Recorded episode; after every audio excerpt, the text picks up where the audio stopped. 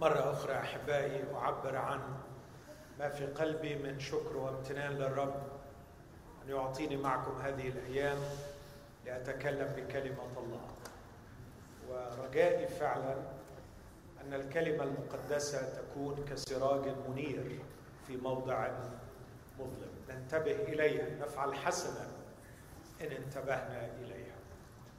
أنا ما أعرفش قد إيه كل واحد من أحبائي الموجودين أو اللي بيشاهدونا عنده شعور عميق بالاحتياج لكلمة الله.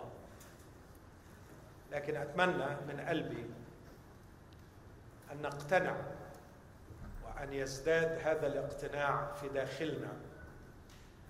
أننا بدون كلمة الله في ظلمة ولا يغني عن كلمة الله. أي علم أو فكر. العلم عظيم والفلسفة عظيمة لكنها لا تصلح لاكتشاف معنى الحياة ولا لإرشادنا بالأخلاق التي ينبغي أن نسلك بها في هذه الحياة. العلم رائع للغاية يستطيع أن يمدنا بوسائل كثيرة لحياة مريحة. لكن لا يستطيع أن يرشدني للغرض الذي خلقت من أجله. نقدر العلم نحترمه نقدر الفلسفة والفكر ونحترمهم لكن علينا أن نعرف أنهم لا يغنيان أبدا عن كلمة الله. كلمة الله يسوع المسيح الذي تجسد وجاء في التاريخ البشري لوجوس اللي حكينا عنه امبارح وكلمة الله المكتوبة الكتاب المقدس. به نور يقول عنه داود فتح كلامك ينير والكلمة العبرية دخول كلامك. دخول الكلمة إلى عقولنا. تفجر نورا في الأعماق.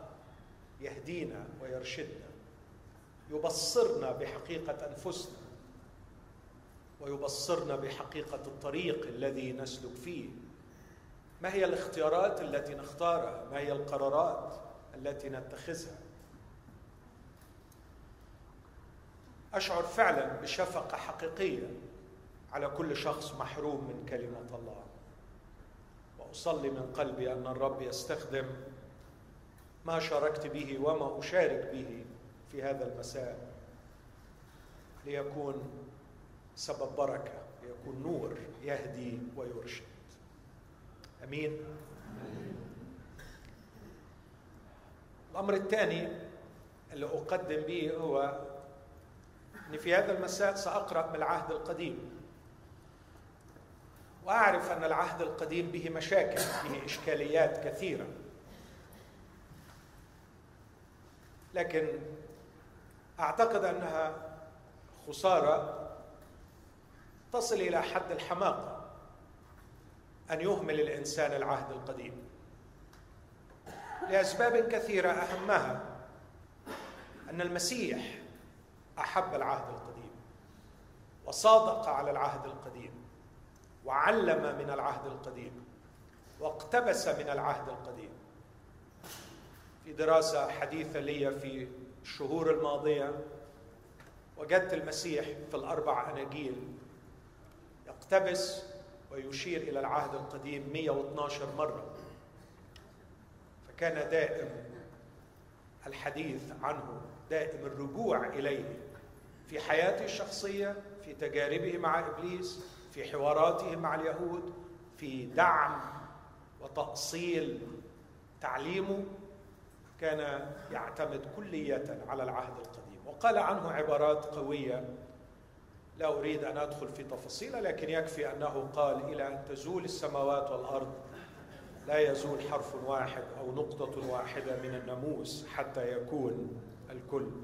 وقال في يوحنا 10 35 ولا يمكن أن ينقض المكتوب. العهد القديم به إشكاليات. نحتاج أن نجتهد كتلاميذ وباحثين لكي نفهمها. لكن من يراها تشكك في مصداقية العهد القديم هو خاسر. إنها صعوبات تحتاج لاجتهاد. ومن الجانب الآخر أقول وهل العهد الجديد يخلو من إشكاليات؟ هل العهد الجديد يخلو من صعوبات؟ من يظن هكذا يؤكد أنه لم يفهم العهد الجديد بعد ولم يقرأه كما ينبغي. العهد القديم له إشكالياته والعهد الجديد أيضا له اشكالياته وكل كل علم كل فرع من فروع العلم له صعوباته وله إشكالياته. ولا تحل الاشكاليات بالتجاهل لكن بالاجتهاد والتلمذة والبحث. الامر الثالث اللي أحب أقوله كمقدمة أيضا هو أننا نبحث في هذه الأيام بالليالي عن معنى الحياة أو نحاول أن نفكر معا في بعض الأسئلة المختصة بمعنى الحياة بناء على هذه الفكرة الجميلة التي وضعها السيس ادوار هل من الممكن أن نجد حياة لها معنى على الرغم من انهيار المبنى؟ وأنا مقتنع للنخاع أنه نعم توجد حياة لها معنى. واحاول اكد هذه الفكرة الآن. ثم أضيف كمقدمة أنه انهيار المبنى ليس معطلا لاكتشاف معنى الحياة بل على العكس ده اللي احاول أكده. قد يكون انهيار المبنى هو أعظم فرصة نستطيع من خلالها أن نكتشف المعنى. فعلى قدر دراستي للتاريخ ودراسة حياة رجال كثيرين وجدوا معنى في هذه الحياة.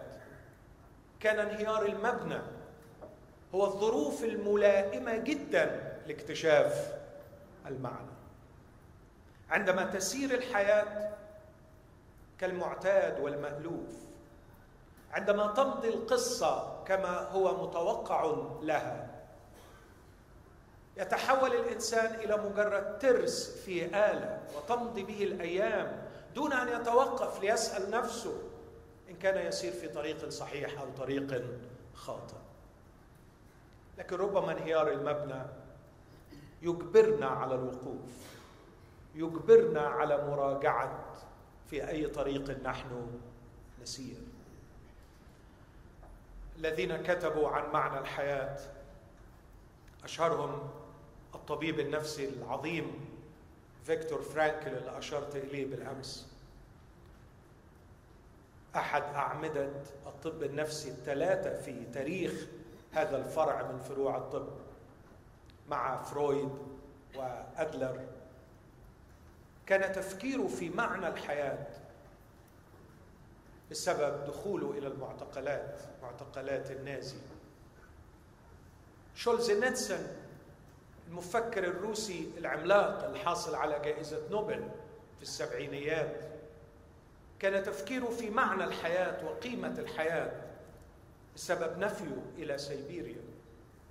وهكذا يعوزني الوقت لكي ما أفكر وأستشهد بآخرين سواء في التاريخ المقدس أو في التاريخ البشري. كان انهيار المبنى مبنى ظروفهم المستقرة. كان هو الفرصة العظيمة للبحث عن المعنى. وأتمنى من قلبي وأنا بشكر الرب لأجل استجابته الصلاة من جهة سوريا المحبوبة بأن يخرجها الرب من الأزمة. وصلينا فعلا كثيرا من أجل هذا. وسنظل نصلي أن يكمل الرب إحسانه لهذا الشعب المحبوب. ويخرجكم تماما من الأزمة. لكن أصلي أن لا تكون الأزمة عبرت دون أن نكون قد اكتشفنا المعنى. وإلا ستكون التكلفة غالية والحصاد قليل. فليحفظنا الرب من الخسارة خسارة اكتشاف المعنى. خلوني أستأذنكم نقرأ بعض الأجزاء من كلمة الله من العهد القديم.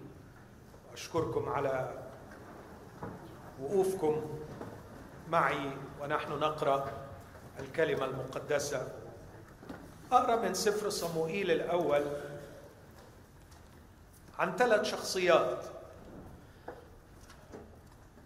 الشخصية الأولى هي شخصية شاول بن قيس والشخصية الثانية هي شخصية نبال الكرملي. والشخصيه الثالثة هي شخصية ابناير ابن ناير قائد جيش شاول الملك. في صمويل الأول 13 وفي أول إرسالية يرسل إليها شاول كقائد كمحارب. أرسله الرب عن طريق صموئيل في عدد ثمانية من صموئيل الأول 13 يقول فمكث سبعة أيام حسب ميعاد صموئيل ولم يأتي صموئيل إلى الجلجال والشعب تفرق عنه فقال شاول قدموا إلي المحرقة وذبائح السلامة فأصعد المحرقة. وكان لما انتهى من إصعاد المحرقة اذا صموئيل مقبل. فخرج شاول للقائه ليباركه ليباركه. فقال صموئيل ماذا فعلت؟ فقال شاول لأني رأيت أن الشعب قد تفرق عني وأنت لم تأتي في أيام الميعاد والفلسطينيون متجمعون في مخماس. فقلت الآن ينزل الفلسطينيون إلي إلى الجلجال ولم أتضرع إلى وجه الرب فتجلدت وأصعدت المحرقة. عدد 13 مهم. فقال صموئيل لشاول قد انحمقت. يا ريت نقول الكلمة دي مع بعض. قد انحمقت وما هي الحماقة؟ لم تحفظ وصية الرب إلهك التي أمرك بها. قد انحمقت لم تحفظ وصية الرب إلهك التي أمرك بها. لأنه الآن كان الرب قد ثبت مملكتك على إسرائيل إلى الأبد وأما الآن فمملكتك لا تقوم قد انتخب الرب لنفسه رجلا حسب قلبه وأمره الرب أن يتراءس على شعبه لأنك لم تحفظ ما أمرك به الرب. أيضا من نفس السفر صموئيل الأول أصحاح 26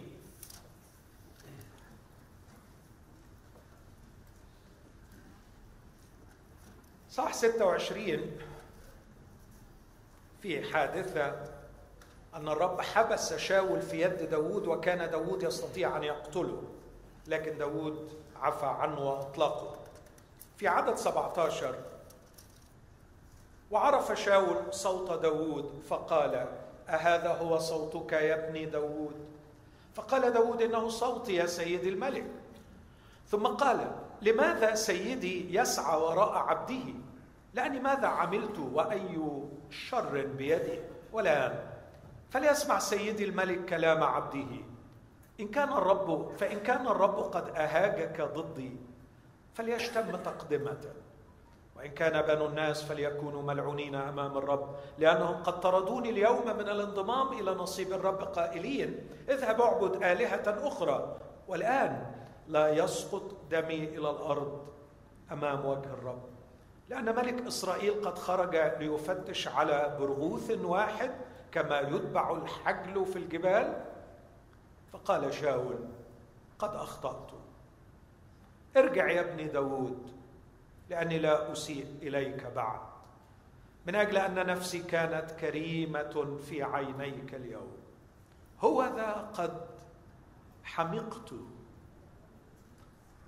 تذكروا معي في أصحاح 13 صموئيل بيقول له قد انحمقت. هنا هو يعترف ويقول قد حمقت وضللت كثيرا جدا. قد حمقت وضللت كثيرا جدا. ثم إصحاح 25 قصة عن نبال الكرملي. قصة مشهورة ومعروفة. هقرأ أعداد من عدد عشرة. فأجاب نبال عبيد داود وقال من هو داود؟ ومن هو ابن يسى قد كثر اليوم العبيد الذين يقحصون كل واحد من أمام سيده أآخذ خبزي ومائي وذبيحي الذي ذبحت لجازية وأعطيه اليوم لقوم لا أعلم من أين هم؟ فتحول غلمان داود إلى طريقهم ورجعوا وجاءوا وأخبروه حسب كل هذا الكلام. فقال داود لرجاله ليتقلد كل واحد منكم سيفه. فتقلد كل واحد سيفه وتقلد داود أيضا سيفه وصعد وراء داود نحو أربعمائة رجل ومكث مئتان مع الأمتعة. فأخبر أبي جايل امرأة نبال غلام من الغلمان قائلا هو ذا داود أرسل رسلا من البرية ليباركوا سيدنا فثار عليهم. والرجال محسنون إلينا جدا. فلم نؤذى ولا فقد منا شيء. كل أيام ترددنا معهم ونحن في الحق. كانوا سورا لنا ليلا ونهارا. كل الأيام التي كنا فيها معهم نرعى الغنم. والآن اعلمي وانظري ماذا تعملين. لأن الشر قد أعد على سيدنا وعلى بيته وهو ابن لئيم. لا يمكن الكلام معه.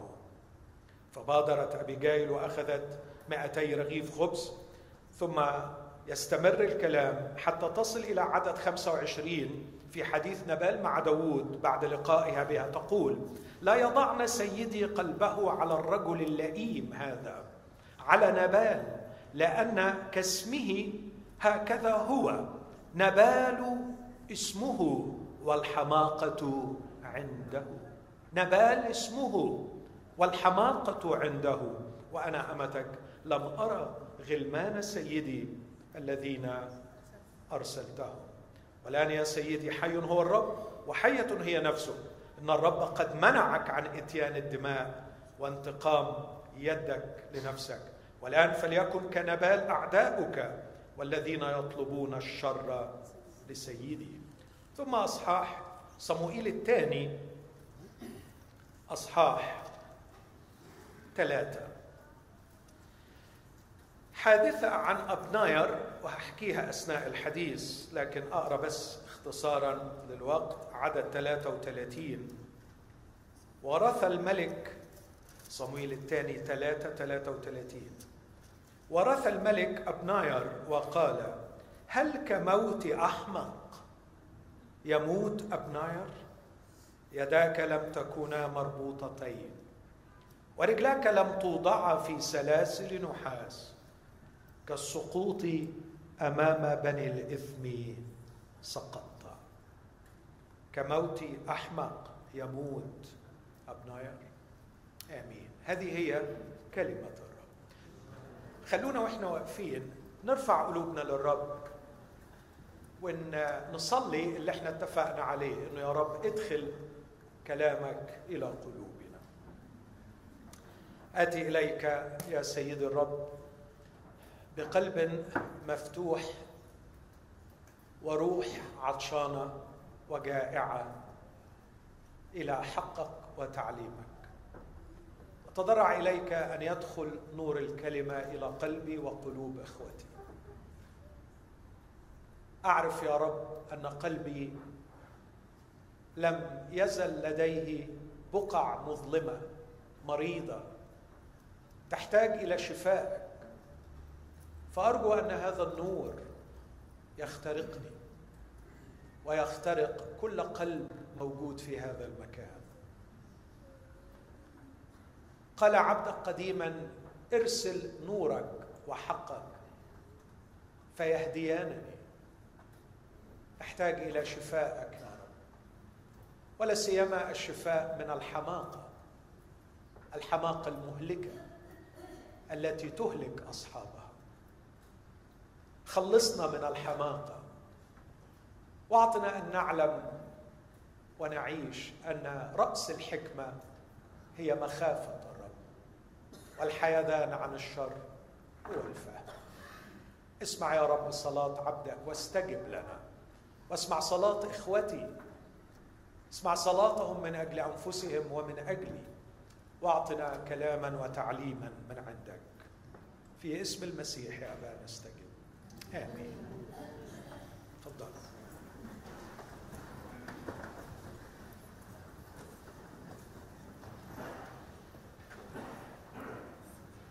التاريخ في العهد القديم.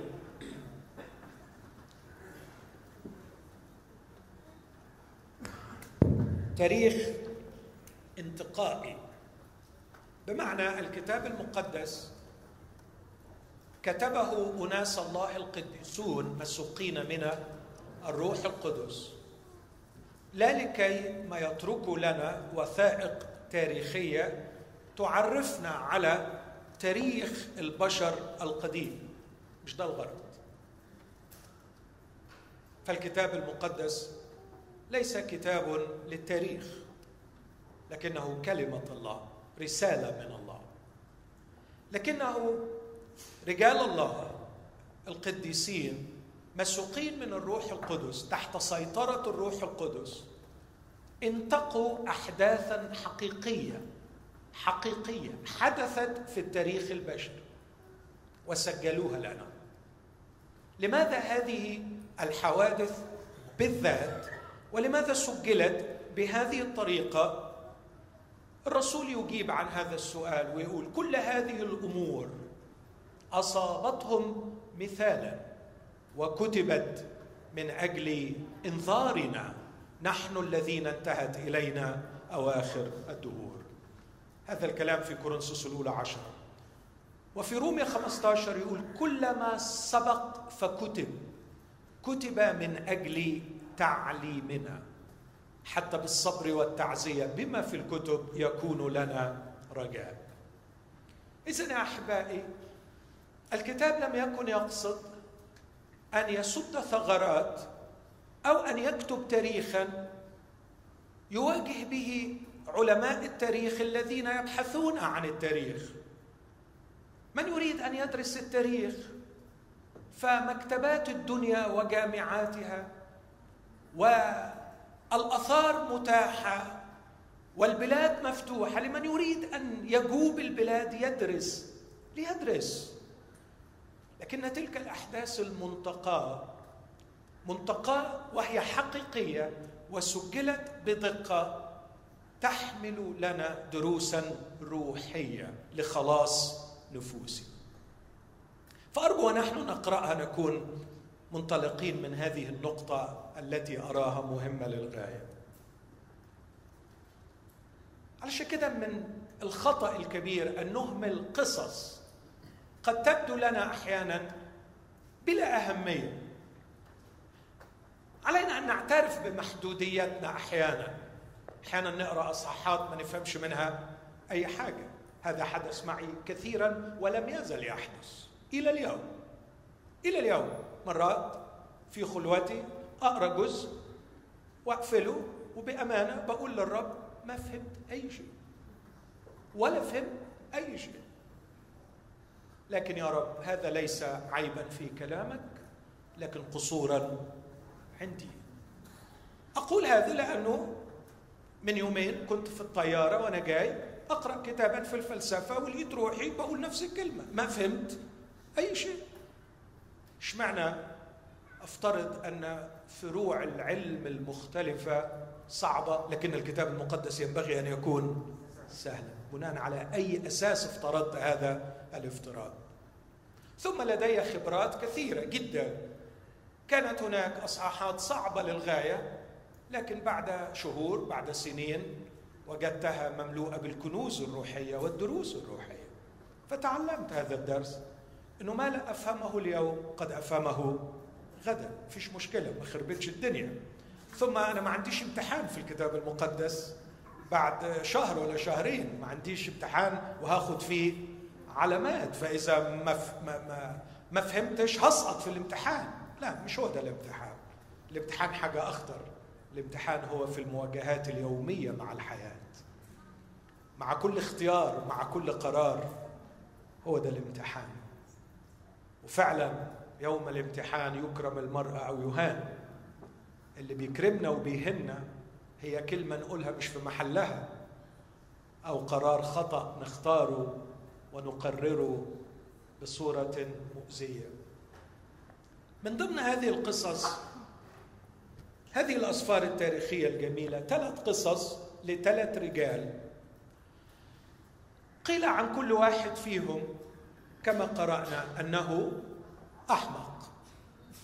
أحمق. والحماقة هي ليست مجرد الجهل. كتاب في النص اللي قريته امبارح بيميز بين الجهال والحمقى. يقول ارتداد الحمقى يقتلهم وراحة الجهال تبيدهم. فهناك فارق بين الأحمق وبين الجاهل. أكيد الجهل وحش ومؤذي. والمسيح علم أن الجهل خطية تخرج من قلوب الناس.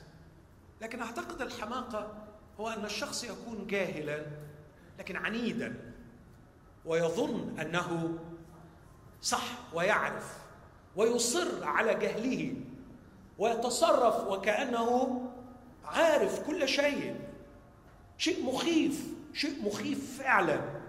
إن الشخص يكون جاهل وبيتصرف كأنه عارف. أنا متأكد إنكم ما بتشوفوش الحالات دي. شخص يبقى جاهل لكن متأكد قوي ان هو عارف. أكيد ما بتشوفوش الحاجة لو يعني حظك حلو وما شفتهاش بس فكر في الأطفال. أطفال كتاب قال عنهم الحماقة مرتبطة بقلب الولد. الأطفال مرات يبقوا في منتهى الحماقة لأنه جاهل. في العراق اكتشفت كلمة غريبة بيسموا الطفل جهال. الأخ يقول لي عندي عندي ثلاثة جهال. يعني عنده ثلاثة ثلاثة جهلة في البيت. وعجبني الاسم فعلا. فالطفل جاهل. لكن المشكلة إنه جاهل ومندفع في جهله ليتصرف كأنه عارف. يعني لو لقيت طفل سنه مثلا ست سبع سنوات جاي يقعد مع بابا بابا أنا عايز أتكلم معاك في موضوع لأنه عايز آخد القرار الفلاني ألعب مع فلان ولا ما ألعبش وبس عايز أناقش معاك الأمر علشان أشوف إذا كان الوقت صحيح ولا الوقت عمركم سمعتوا حوار زي كده؟ طبعا. لأن هو دايما متأكد ان هو صح. مشكلة في بابا اللي ما بيفهمش. مشكلة في ماما اللي قاعدة بس شغلتها في الدنيا تقول لا. لكن هو فاهم كل شيء. هو يعرف مع مين يلعب ويلعب بإيه ويلعب مدة قد إيه. وكلكم تعرفوا المأساة اللي بتحصل لما الأم بتتدخل علشان تاخده من وقت اللعب. بيحس إن دي منتهى الحماقة إنها تاخده دلوقتي. ده يدوب اللعبة دلوقتي حلوت هو يعرف المواقيت ويعرف جدول اليوم ويعرف كل شيء. هو مش فاهم أي حاجة. ومش مدرك أبعاد حياته وخطورة ما يفعل. هذه الحماقة. بس يا إخوتي الأحباء لما سمعنا كده ابتسمنا ضحكنا وأعتقد أنه عندنا حق لأنه بنتذكر إن هؤلاء الأطفال كانوا يستعملون هذه الحماقة في أمور بسيطة لعب مع الأولاد أحيانا في المذاكرة بتاعتهم أحيانا في الدرس أحيانا في بعض الأشياء اللي أخطر شوية على صحتهم مثلا. لكن بنبتسم أيضا لأننا نتذكر أنهم كبروا وأبطلوا ما هو للطفل. لكن الخطورة المرعبة. أن يكبر الإنسان ولا تبرح عنه حماقته. ويظل الإنسان في حماقة يتخذ القرارات يصنع الخيارات. قرارات خطيرة تمس حياته تمس أسرته. قرارات أخلاقية قرارات مادية. ويظل الإنسان يتصرف بجرأة غريبة وكأنه يعرف كل شيء. أحمق. أحمق.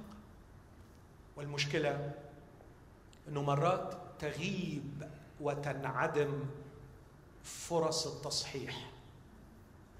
ومرات يغلق الباب على التعلم. يصل الإنسان إلى مرحلة من التصلب والتحجر التي معها لا يمكن أن يتعلم. والأخطر والأخطر أنه كلما السن تقدم أصبحنا أقرب إلى الموت وإلى خط النهاية الذي بعده لا رجوع. من هنا تتبين خطورة الحماقه لكن يا إخوتي أشعر فعلا بالامتنان للرب. أنه أنعم علينا بقصص بتفصيل كثير لأناس مختلفين مش بس ادانا تعليم عظيم كونسبتس مفاهيم كثيرة في سفر الأمثال في في المزامير في مواقع كثيرة تتكلم عن الجهل والحماقة والحكمة. لكن أعطينا قصص عملية ولا من وجهة نظري لا توجد وسيلة ايضاحيه أعظم من القصة الحقيقية. في قصة حقيقية حدثت. والروح القدس سجلها لأناس انحمقوا. وأعتقد إنه لن تنضب الاقلام التي كتبت وما زالت تكتب آه، وهي تدخل في خبايا وثنايا. هذه القصص لاستخراج مزيد من التعليم. أتذكر إني كثيرا ما توقفت أمام هذه القصص لكن أشعر باحتياجي إلى التعلم منها أكثر وأكثر. أمامي ثلاثة رجال تميزوا بميزات ما فيش شخص بيسمعني دلوقتي أو هيشوف الخدمة دي إلا ويحلم بيها. كل اللي قاعدين في القاعة قدامي يحلموا يحلموا يكون عندهم ما كان عند هؤلاء الرجال الثلاثة. شاول شخص جميل شخص لم يكن في كل الشعب أحسن منه من كتفه إلى فوق كان أطول من جميع الشعب كان ذا هيئة كان ذا منظر. كانت لديه إمكانيات جسدية رائعة. لكن لن أتكلم عن إمكانياته الجسدية أتكلم عنه من منظور معين أنه شخص حصل على كل الفرص التي يحلم بها انسان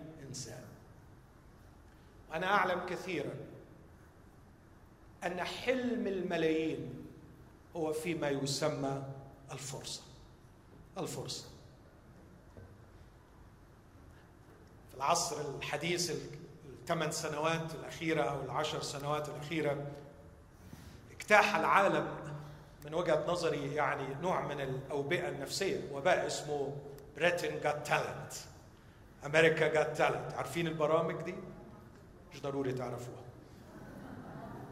هناك رئيس الكهنة سايمون كاول يمسح هؤلاء الموهوبين بكلمة رضا.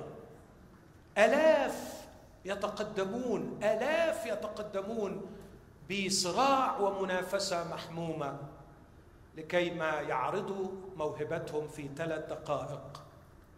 لعل رئيس كهنة الموهوبين سايمون كاول يتحنن ويمسح واحد منهم موهوبا. ولما بيتسألوا نفس السؤال ده اللي لاحظته في كوريا في اليابان في بولندا في رومانيا في بيروت في أي مكان كل الأشخاص المتقدمين يسألوا سؤال واحد ليه قدمت ليه جيت؟ فرصة. لعلي أفوز بالفرصة. فالبشر يعيشون على أمل فرصة.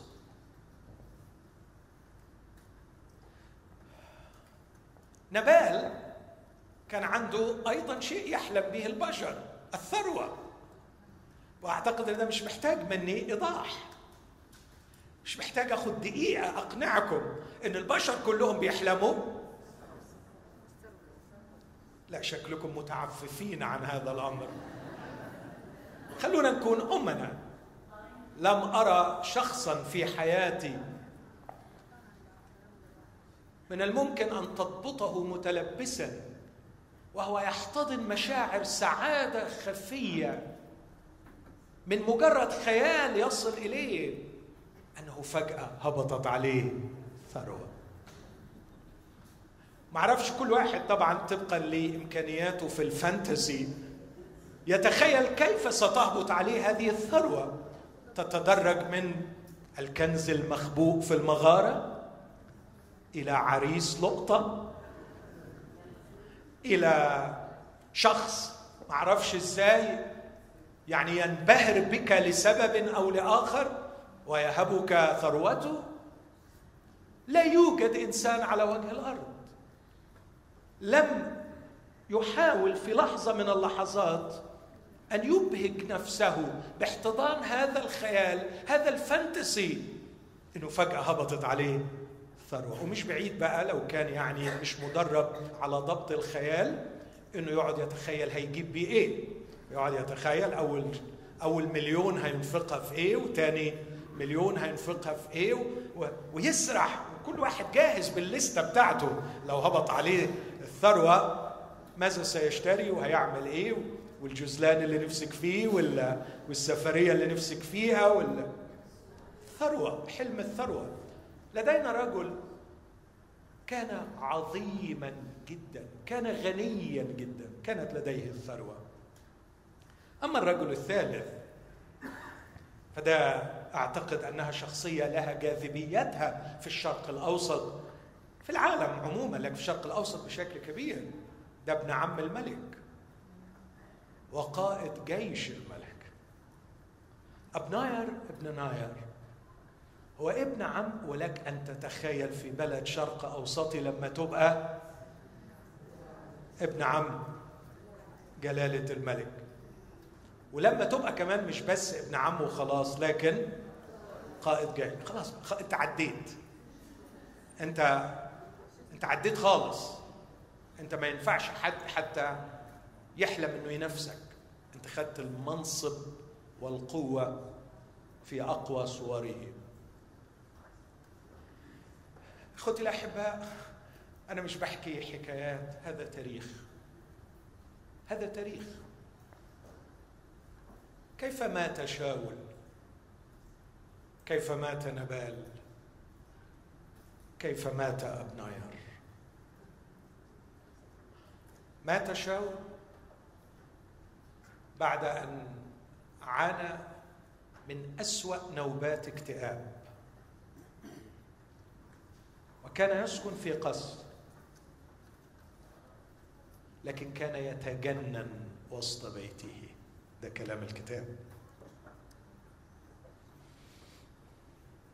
بنى قصرا عظيما لا ليستمتع بل لكي يعيش فيه جنونه. الكتاب بيقول كده. كان يتجنن وسط بيته. تصيب حالات من الكآبة العنيفة الكآبة الذهانية التي تجعله يتصرف تصرفات مجنونة مجنونة. لجأ إلى العرافين. وفي النهاية سقط قتيلا على جبل جلبوع. والبعض يقول أنه انتحر مات منتحرا ولا أستبعد هذا فعلا لأنه طلب من حامل سلاحه أن يقتله فحامل سلاحه خاف ولم يتجرأ فأخذ هو السيف وسقط عليه وانتحر. وعندما انتحر أتى الفلسطينيون ووجدوه فقطعوا رأسه. وأخذوا رأسه إلى بيت داجون ووضعوها هناك للافتخار بالانتصار. وسمروا جسده على سور مدينة بيت شان. هو وأولاده الثلاثة أحمق أحمق يا رب. يا رب. لا تسمح أن أكون كشاول. لا تسمح يا رب. لا تسمح يا رب. هل من الممكن أن إنسان أعطي كل الفرص الرائعة يبدأ هذه البداية المرهبة في جمالها ينتهي هذه النهاية؟ ويسير هذا المسير؟ ما قيمة القصر؟ ما قيمة الملك؟ إن كان في النهاية لا خير ولا بركة ولا كرامة ولا حب يموت هو وأولاده في يوم واحد منتحرا بعد أن عاش حياة الجنون في بيته. أما الآخر نبال. فقصته أيضا مؤلمة. قصته مؤلمة للغاية لأنه هو رجل عظيم من الكرمل. الكرمل أكثر الأماكن خصوبة وجمالا في منطقته. وواضح إنه اغتنى جدا وصارت عنده ثروة جبارة. وواضح أنه كان رجل يحب الاستمتاع. فعندما أتوا إليه يقول أآخذ ذبيحي؟ أآخذ ذبيحي الذي ذبحت لجازية؟ هذه هي هذا هو نص كلماته في أأخذ خبزي ومائي وذبيحي. خبزي مائي ذبيحي ما أعرفش ليه بيفكرني بحد. فكرني بواحد المسيح. حكى حكايته كمثل. برافو الغني الغبي. هذا الغني اللي الرب يسوع قال عنه إنه في راجل أكثرت أثمرت وأعطته كورته ثمرا كثيرا.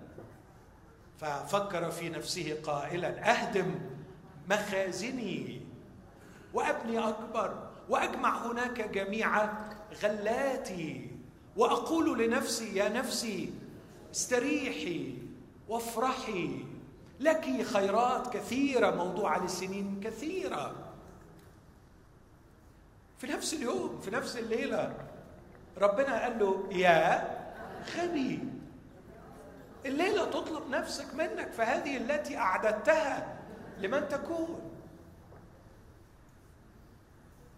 غبي. عندما ينحصر في اللحظة الحاضرة. لا ده مش بس محصور في اللحظة الحاضرة ومحصور في البوصة اللي بيعيش فيها. ما قدرش يطلع بره. تصوروا؟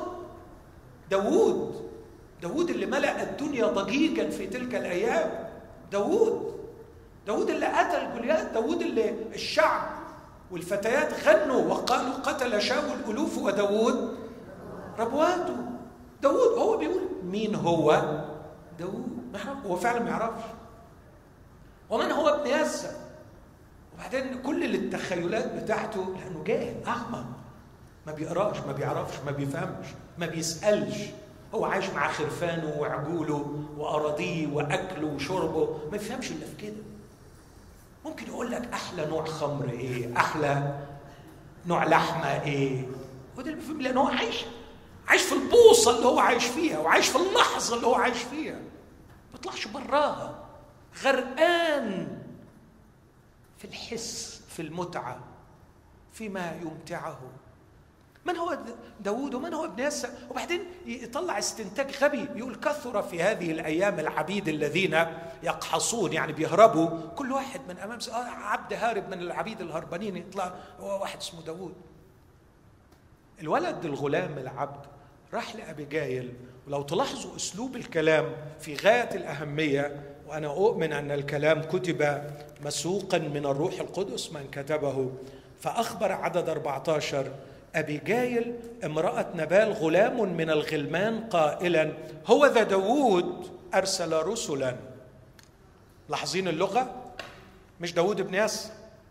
لأنه داوود مش محتاج ان هو يتعرف داوود أرسل. ولما ابي جايل قابلته قالت له سيدي يحارب حروب الرب وعبيدك سيطوح الرب بهم كما من كف المقلاع. واخدين بالكم من اللغة بتاعت ابي جايل فابي جايل دريانة بإيه؟ ها؟ بالمقلاع ودريانة بالقصة.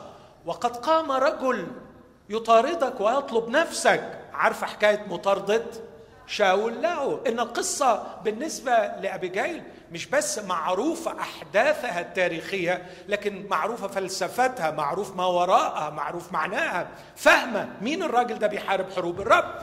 والعجيب جدا تقول سيدي يحارب حروب الرب وقام رجل يطلب نفس سيدي. لاحظين؟ قام رجل بتتكلم عن شاول الملك.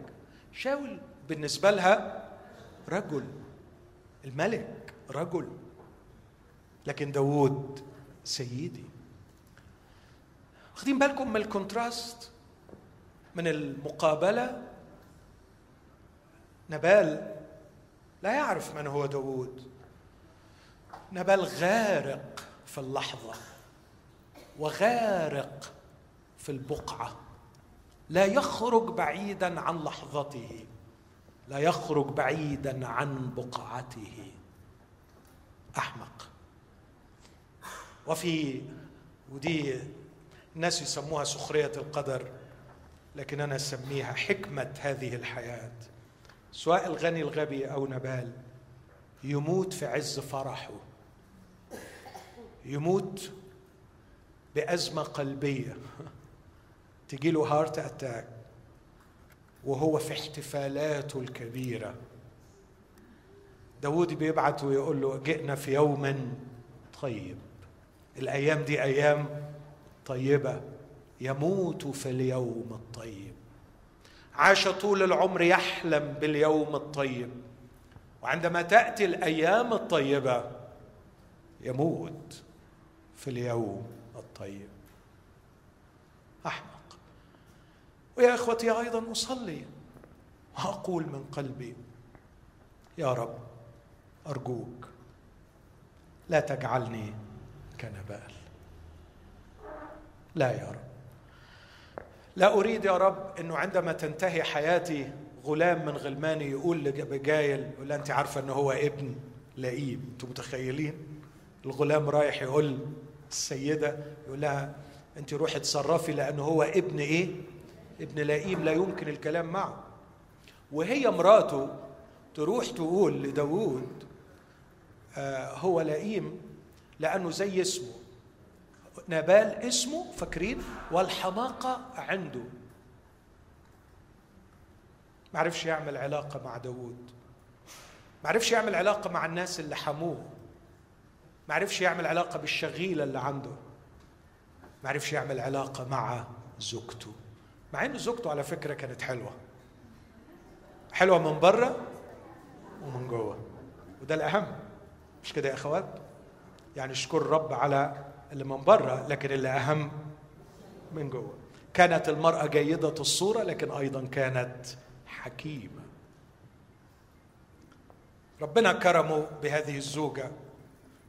ربنا كرمه بهذه الثروة لكنه كان احمقا. أما الرجل الثالث وهو أبناير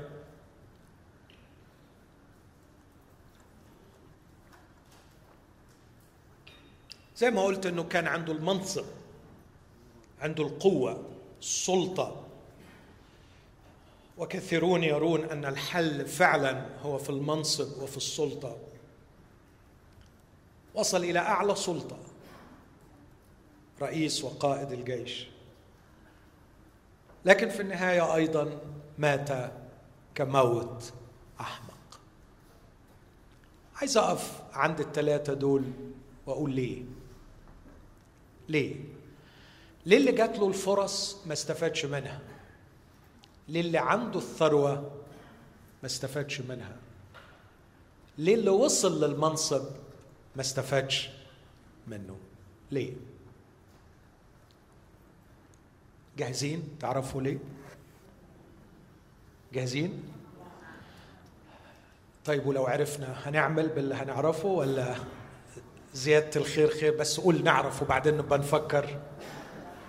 ربنا ما بيقدم لناش كلامه علشان مجرد نعرف. لا تكونوا يا إخوتي سامعين خادعين نفوسكم لكن يساعدنا الرب نكون سامعين عاملين بالكلمة. آمين؟ في حد هنا مستني فرصة؟ حد نفسه في فرصة؟ حد كده يعني الكلمة دي بتيجي ما أنا ما أعرفش بتسموها إيه هنا في سوريا. يعني إحنا عندنا نقول في مصر فرصة في أمريكا يقولوا opportunity. تقولوا يا سيس ادوار فرصة فرصة.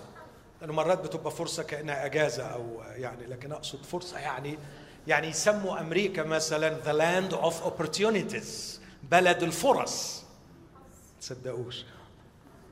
تصدقوش حد مستني تجي لي فرصة كده؟ تجي لي opportunity يعني فرصة.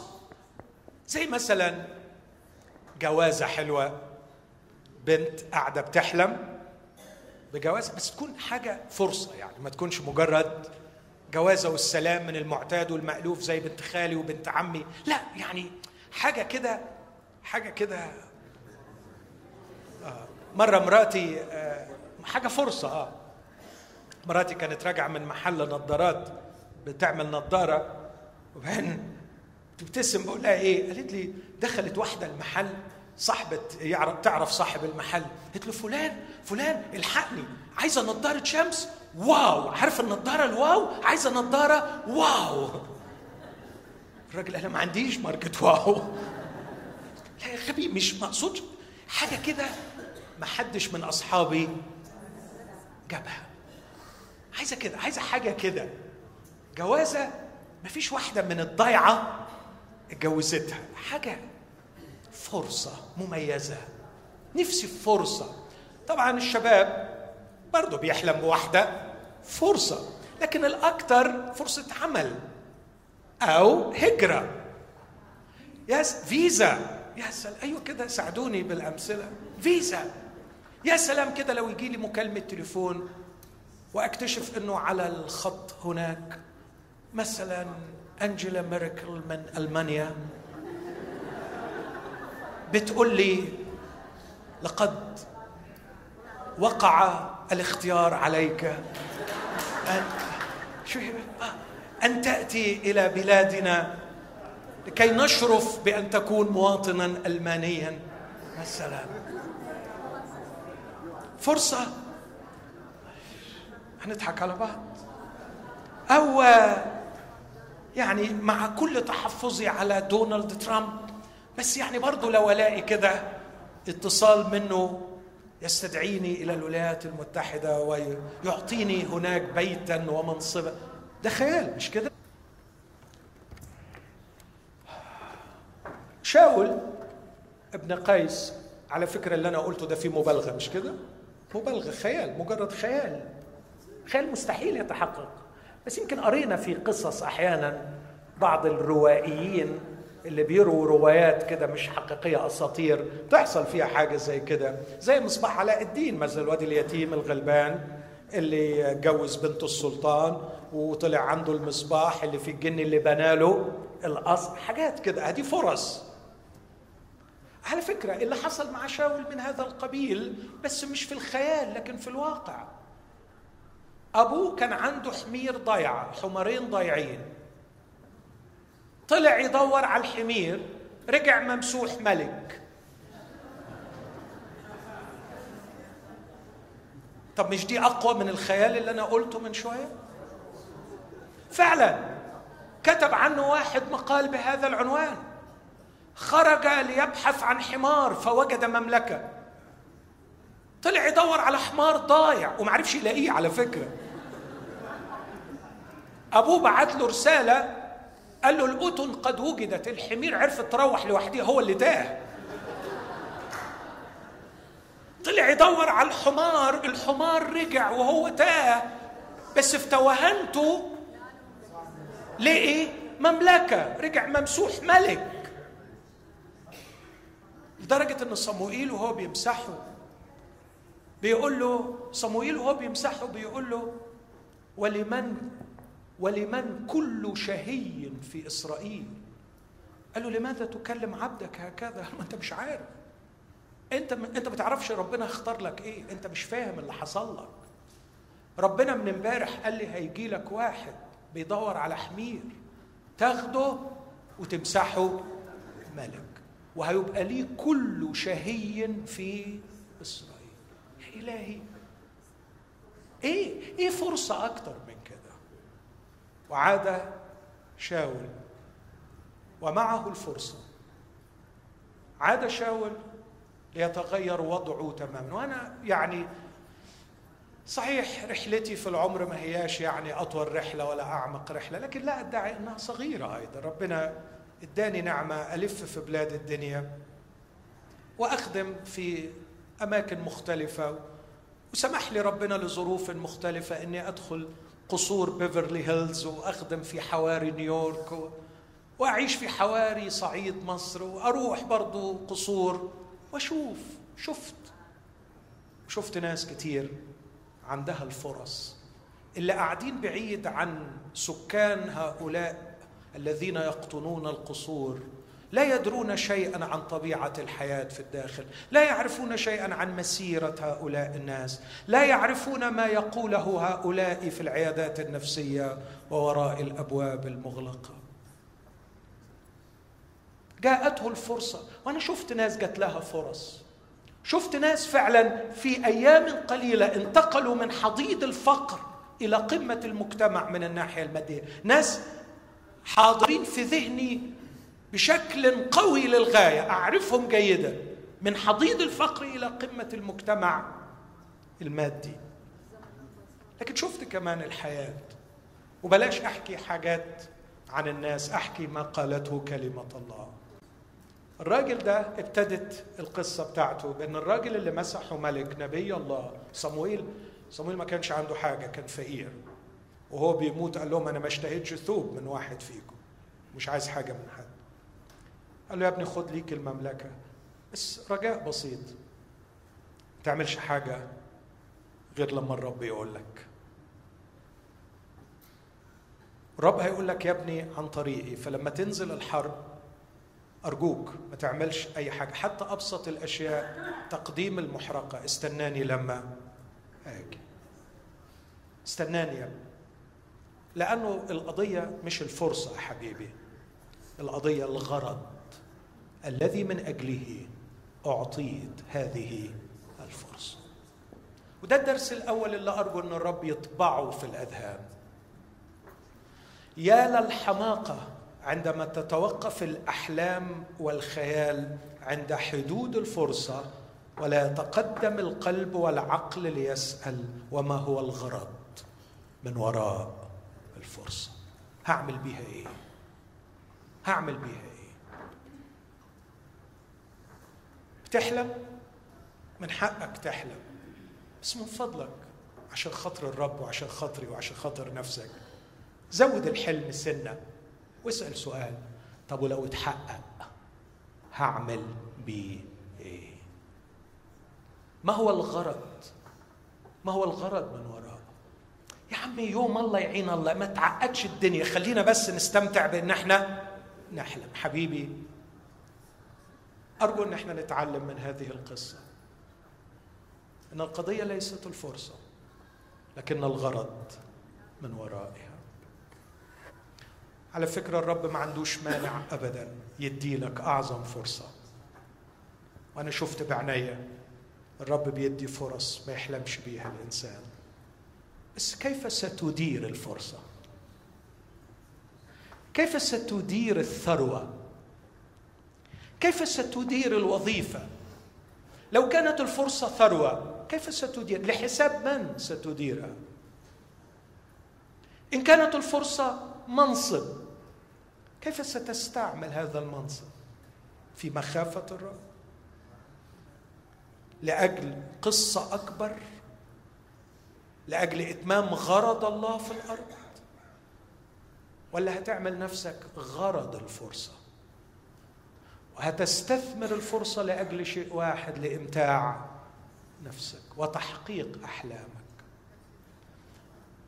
أختي العزيزة أخي العزيز إذا لم يكن الغرض من وراء الفرصة واضحا كل الوضوح والعزيمة قد عقدت على إتمام هذا الغرض من خلال الفرصة.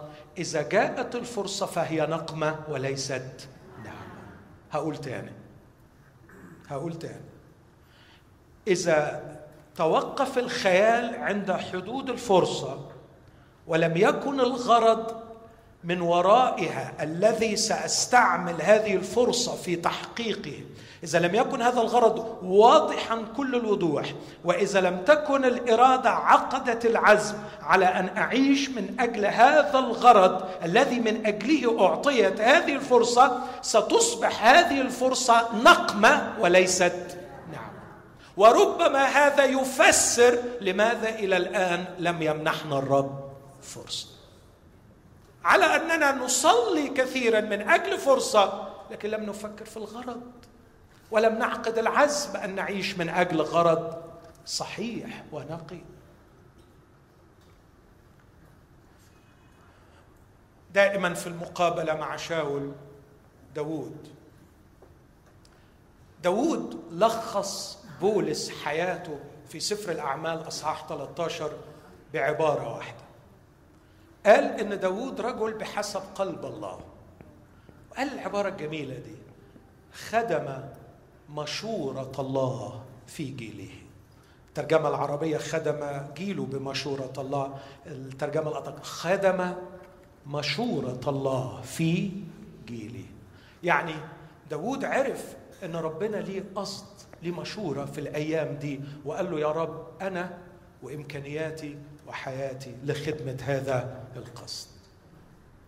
أنا عايز أخدم قصدك في سوريا في هذه الأيام.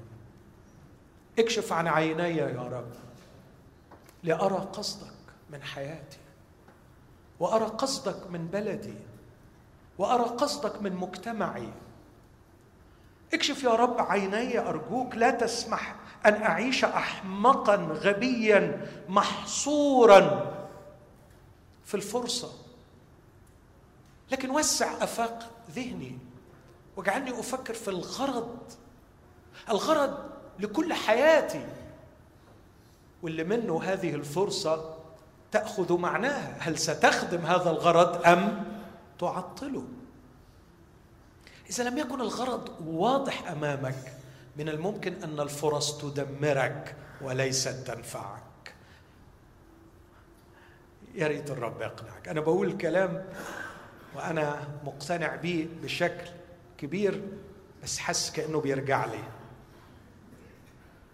هقول لك تاني إذا ما كنتش عارف غرض حياتك اللي هتعيش من أجله الفرصة ممكن تدمرك. يا رب تصدقني. يا رب تصدقيني. لأنه إحساس الشباب بحماقة ممكن يا عم بس تيجي الفرصة وبعدين تتحل. لا حبيبي هي مش تتحل لو جات الفرصة. هتتعقد وهتتدمر لو ما كانش الغرض واضح. شاول ثلاث مرات كتاب يتكلم عن عيشته من أجل نفسه. كان غرضه هو نفسه. كان كلما رأى رجلا جبار بأس ضمه إلى نفسه. كتاب يقول نصب نصبا لنفسه. كان شاول يعيش منحصرا في نفسه. كان احمقا كان طفلا. في مركزيته أو في تمركزه حول ذاته لم يخرج خارج رغباته الضيقة أن يصنع قصة شاول الملك ولم يفكر أن لله قصة عظيمة في الأرض. يريد أن يشركه فيها وأعطاه دورا كبيرا في هذه القصة لكن بدلا من أن يحترم السكريبت الإلهي ويعيش في قصة الله قرر أن يكتب قصته. لنفسه مستغلا الموارد التي لم يأخذها بسيفه وبقوسه ولم يرثها من أهله لكن الله أعطاه إياها فاستغلها من أجل نفسه. أنت أحمق يا شاول أنت أحمق. أنت ما ورثتش الملك من بيت أبوك. أنت ما عملتش الملك بحربك وسيفك. أنت جالك من عند ربنا نعمة وكان المفروض تسأل صاحب النعمة وتقول له ليه يا رب؟ عايز مني إيه يا رب؟ خلدني يا رب في هذا الموضع ليه يا رب؟ يا رب ولا حاجة من اللي حلتي بتاعتي ولا كنت احلم إنها تجيلي لكن وضعتها في يدي فاجعلني أمينا لا أستخدمها إلا لقصدك ولغرضك. ما عملش كده. ما عملش كده.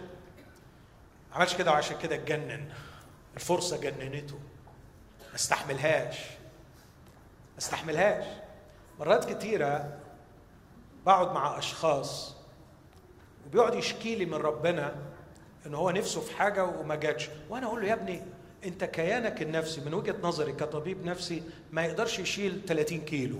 اللي أنت بتحلم بيه ده عايز قوام نفسي يشيل 4 5 طن. أنت فاكر انت فاكر انه الوضع في الدنيا علشان تمانج أسرة علشان تدير بزنس علشان ده محتاج يا ابني كيان نفسي معين. انت كيانك هش.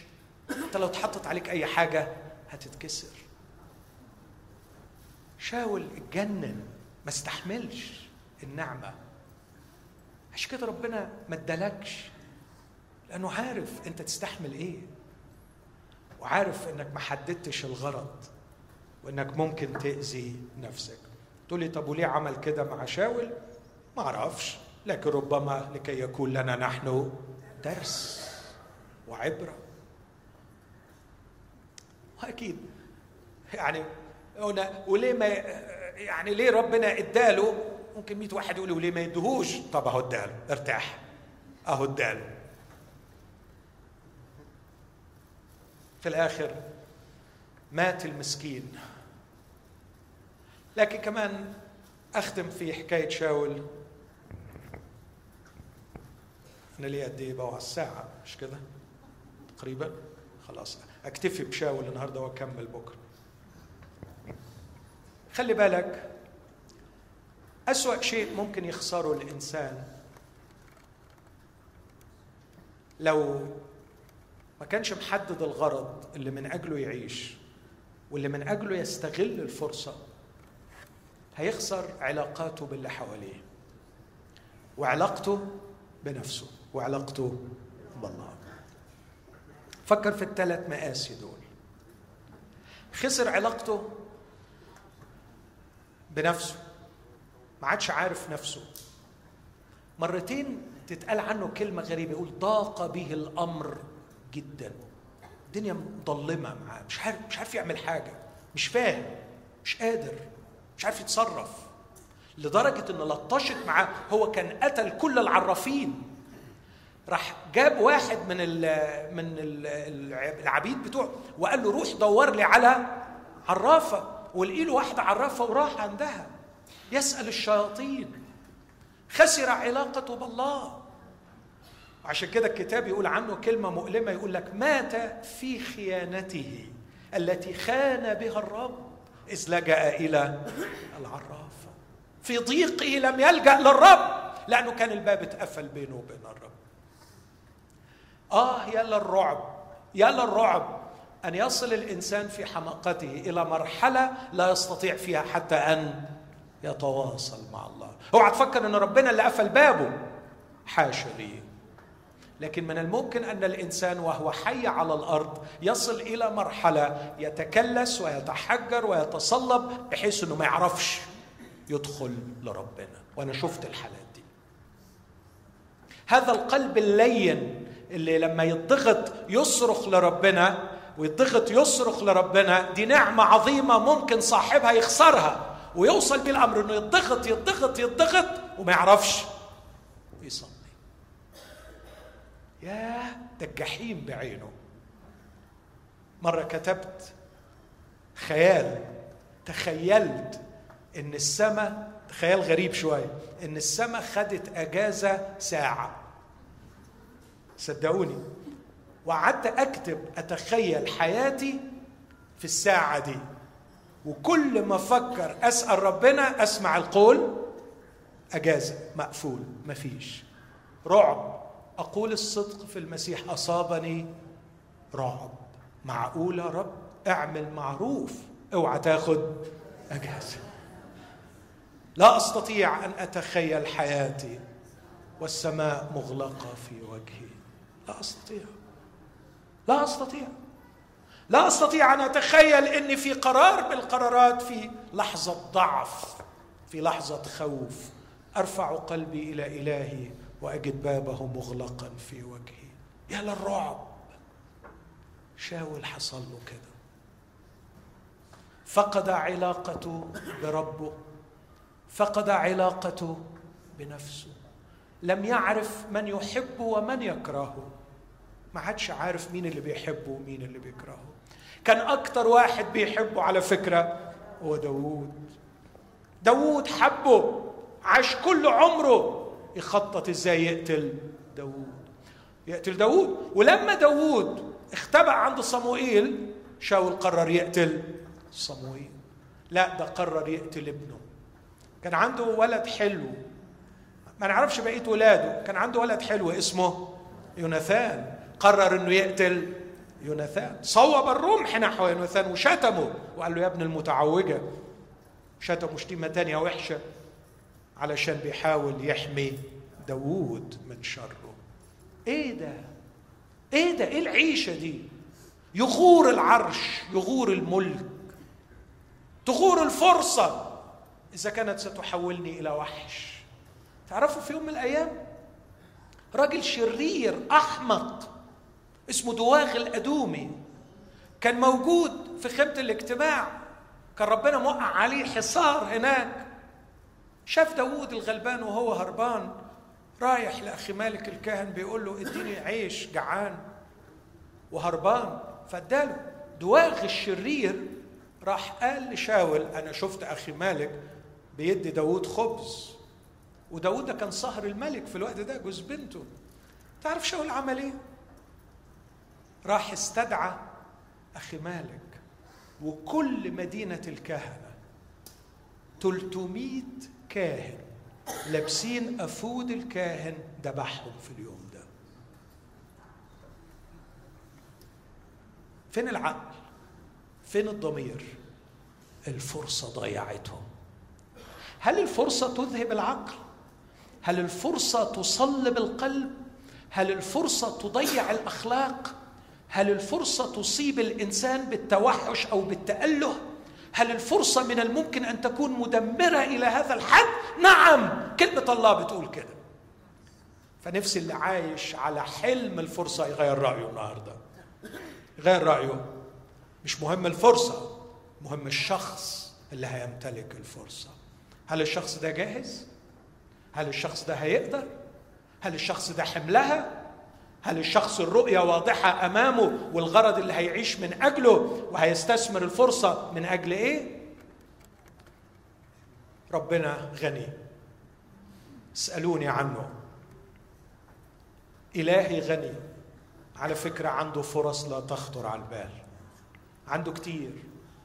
على فكرة اللي خدوا فرص ما خدوهاش لأنهم شطار لكن ربنا أعطاهم. ومن رحمته بيك إنه ما ادكش لغاية دلوقتي. خايف عليك. إلهي غني. على فكرة ممكن يدي مواهب. ممكن يدي مواهب. لكن خايف عليك. في يوم من الأيام بيعرف يعمل حاجات عجيبة. قال لبولس بص بقى حكاية إن أنا أقعد أدي لك إعلانات من عندي وكلام. أنا مش مكفيني. أنا هاخدك عندي فوق. وأخذوا إلى السماء ثالثة وراله مناظر الرب وإعلاناته. بس هو نازل قال له معلش هنعمل تعديل بسيط. هندي لك شوكة. علشان الحقيقة كيانك قبل الصعود للسماء الثالثة كان يستحمل اللي عندك. بس بعد ما توصل للسماء الثالثة أنت ممكن الفرصة دي تعمل إيه؟ تدمرك. فهنعمل لك عملية وقائية. ندي لك فر... ندي لك شوكة مع الفرصة تلازمك بقية أيام عمرك. إيه رأيكم؟ تالي لو كان شاوره قبليها كان قال له يفتح الله. لا بناقص السماء الثالثة صدقوني مش بعيد.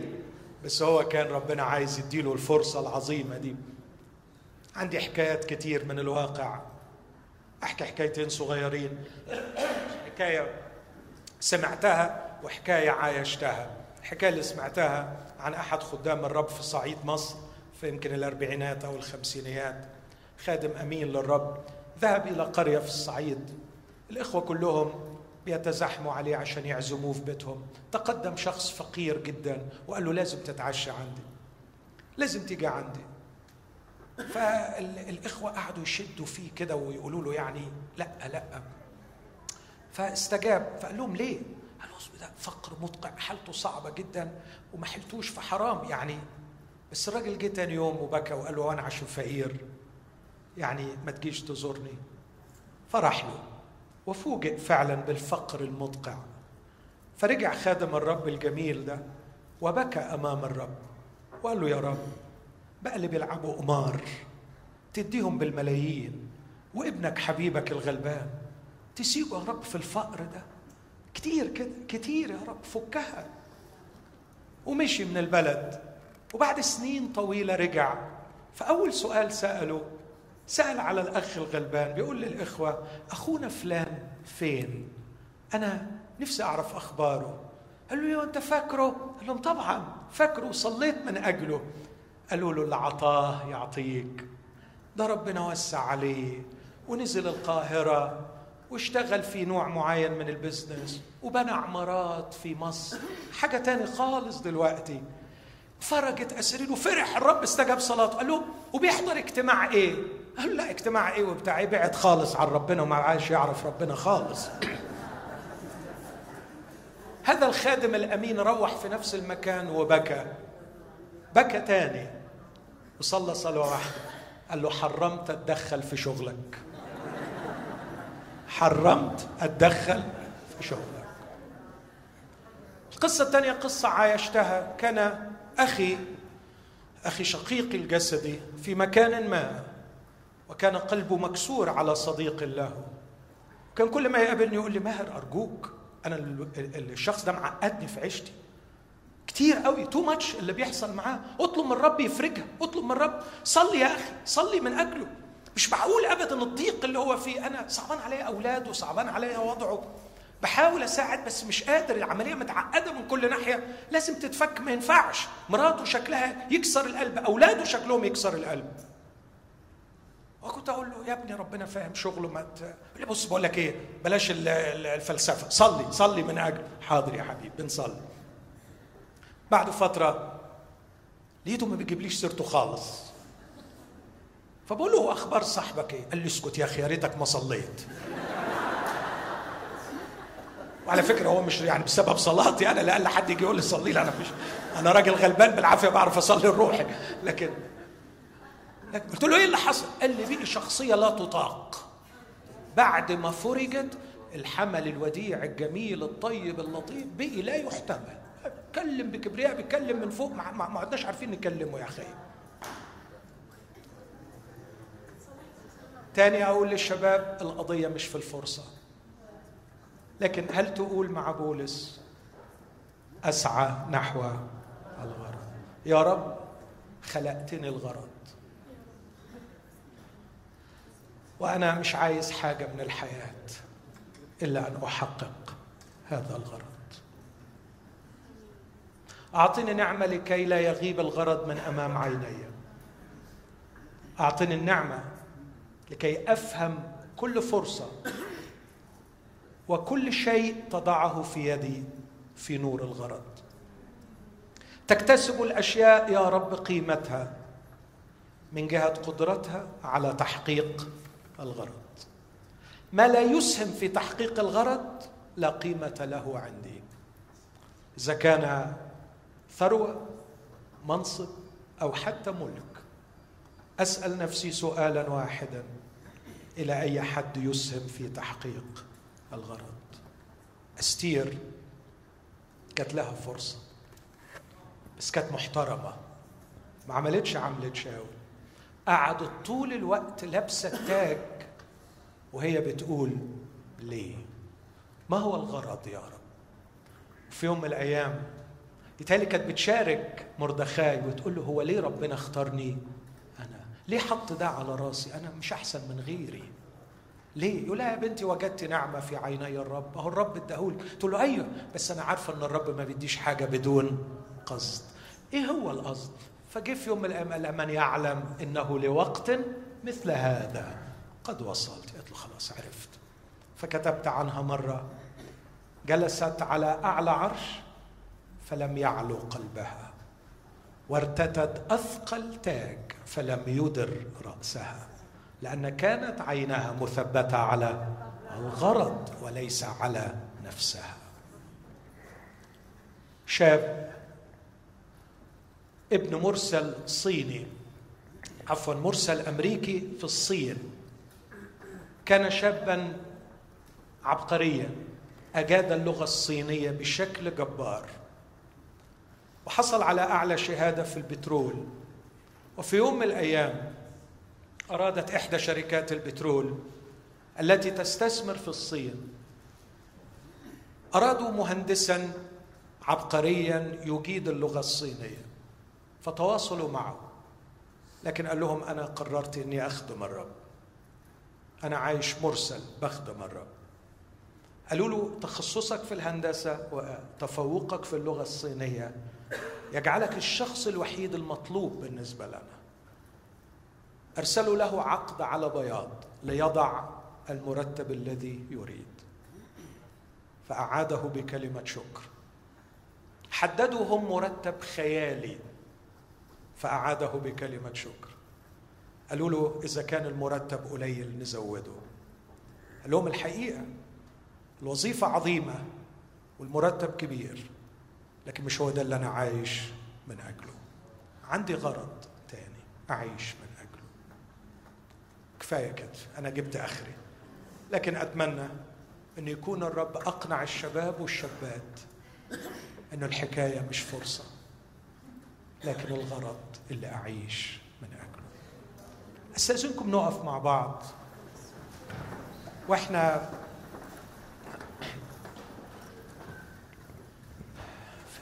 الترنيمة الجميلة لو ممكن نرنم أيها الفخار الأعظم. عد واصنعني وعاء آخر مثل ما يحصل في عينيك. آتي إليك بكل فسادي ثقتي في نعمتك ويديك لا لليأس ولا للماضي. قلبي اتجه الآن إليك. وإحنا بنرنم الترنيمة دي. أتمنى نفتكر الآية. أسعى لعلي أدرك. الذي لأجله أدركني المسيح يسوع. فكر في الآية دي. المسيح يسوع أدركك من أجل غرض. قل له أنا مش عايز الفرصة. عايز أدرك الغرض الذي من أجله أدركتني. وإذا حطيت في إيدي فرصة.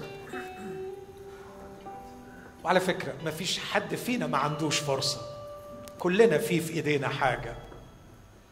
كن أمينا في القليل سيقيمك على الكثير. استعمل الفرص القليلة سيعطيك الرب أكثر طالما أنك تعيش من أجل الغرض.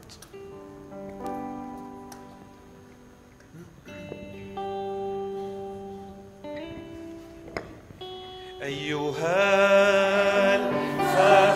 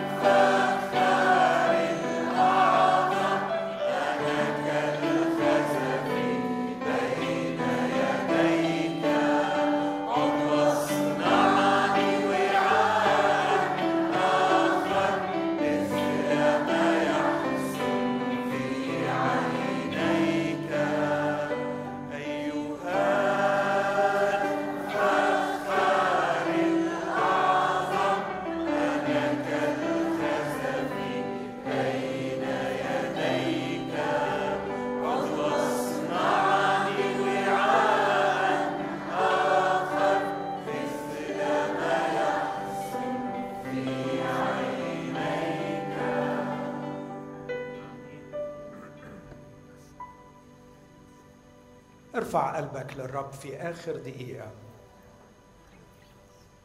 واسمع صوت الرب يسوع بيقول لك المعنى في الحياة ليس في الفرصة لكن في الغرض. ولا يعرف هذا الغرض. غرض حياتك أنت بالذات غرض حياتك أنت إلا خالقك. ولا يقودك إلى هذا الغرض إلا المخلص يسوع المسيح. لا أعرف قائدا أو فيلسوفا أو مفكرا يستطيع أن يقود الإنسان لاكتشاف غرض حياته لكن الأمر يحتاج إلى مخلص. حدش هينفعك غير المخلص ويسوع هو المخلص. اطلب الخلاص الليلة من الرب. أو بالحري أطلب المخلص الليلة. قل له اصحبني يا مخلصي امسك بيدي اغفر خطيتي وشري صالحني مع أبي وقدني في رحلة شفاء. قدني إلى الغد لا تتركني أبحر إلى غدي بمفردي. لكن امسك بيدي. أتخذك اليوم مخلصا لي. أقبلك يا يسوع أن تكون مخلصي. أشكرك لأنك تعرض علي ليس خلاصك لكن ذاتك. تعرض علي نفسك أن تكون حبيبي وسيدي ومخلصي. اشفيني يا يسوع من حماقتي. لا تجعلني أسير وراء حماقتي كشاول لا أريد أن أعيش كما عاش شاول. لا أريد أن أنتهي كما انتهى شاول. لا أريد أن أموت صريعا على جبل جلبوع. أريد أن أكرمك. أريد أن أمجدك. أيها المخلص يا من تحبني اظهر حبك لي وامسك بيدي واصحبني. إن كنت فعلا تشعر في أعماقك وتشعري في أعماقك باحتياج ليسوع المخلص ارفع إيدك اديني إشارة أصلي من أجلك. آمين. آمين. لك المجد يا رب. آمين. آمين. وانت ما زلت في مكانك رافع قلبك. واثق إن يسوع يقبل صلاتك وطلبتك ومتأكد إنك مش هتخرج من باب هذه القاعة إلا وأنت في صحبة يسوع ماشي معاه. أرجو من أخي الأسيس إدوارد إنه يجي يصلي من أجلهم ويطلب حماية الرب لحياته.